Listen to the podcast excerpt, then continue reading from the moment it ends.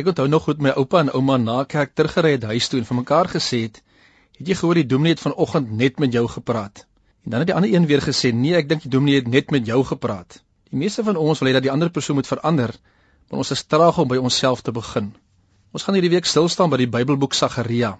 Sagaria 1 getuig hoe die profeet deur God opgeroep word om 'n spesifieke boodskap aan die volk oor te dra. In vers 3 staan: "En nou moet jy vir jou volk sê: So sê die Here die Almagtige: Bekeer julle tot my, sê die Here die Almagtige, dan sal ek weer by julle wees, sê die Here die Almagtige. Dit is nie eerstens die boodskap van Sagaria nie, nee, dit is die boodskap van die Here die Almagtige. Luister maar hoe die naam van God telkens in die boek Sagaria voorkom. Die Almagtige God roep hulle op tot bekering. Wat is bekering? Bekering het twee kante: om weg te draai van my sonde en verkeerde dade en te draai na God. As ons aan bekering dink, dink ons baie keer net aan die eerste keer wat ek my hart vir die Here gegee het.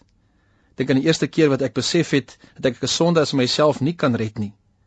Bekering is meer as net 'n een eenmalige bekering. Dit is om daagliks na God te draai. Die boek Sagaria het ontstaan in die tyd van heropbou en ontwikkeling. Die volk het teruggekeer uit die ballingskap en weer die tempel en die land begin herstel. Daar was konflik en ekonomiese onsekerheid.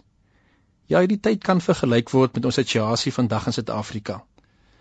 In Sagaria 1 vers 16 lees ons van die droom van die Here. Daarom so sê die Here, gaan ek my weer Jerusalem ontferm. My tempel daar gaan herbou word, sê die Here die Almagtige. Jerusalem sal opnuut as stad uitgelê word. Hier word gepraat van die tempel en die stad Jerusalem. Dit gaan oor die kerk en die samelewing.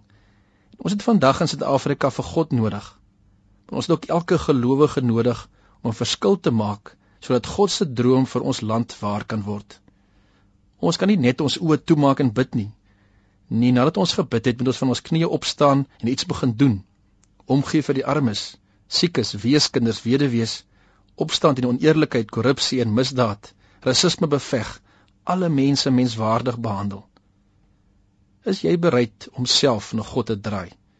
Is jy bereid om self te verander? Of wil jy maar net die vinger na ander wys? Kom ons bid saam.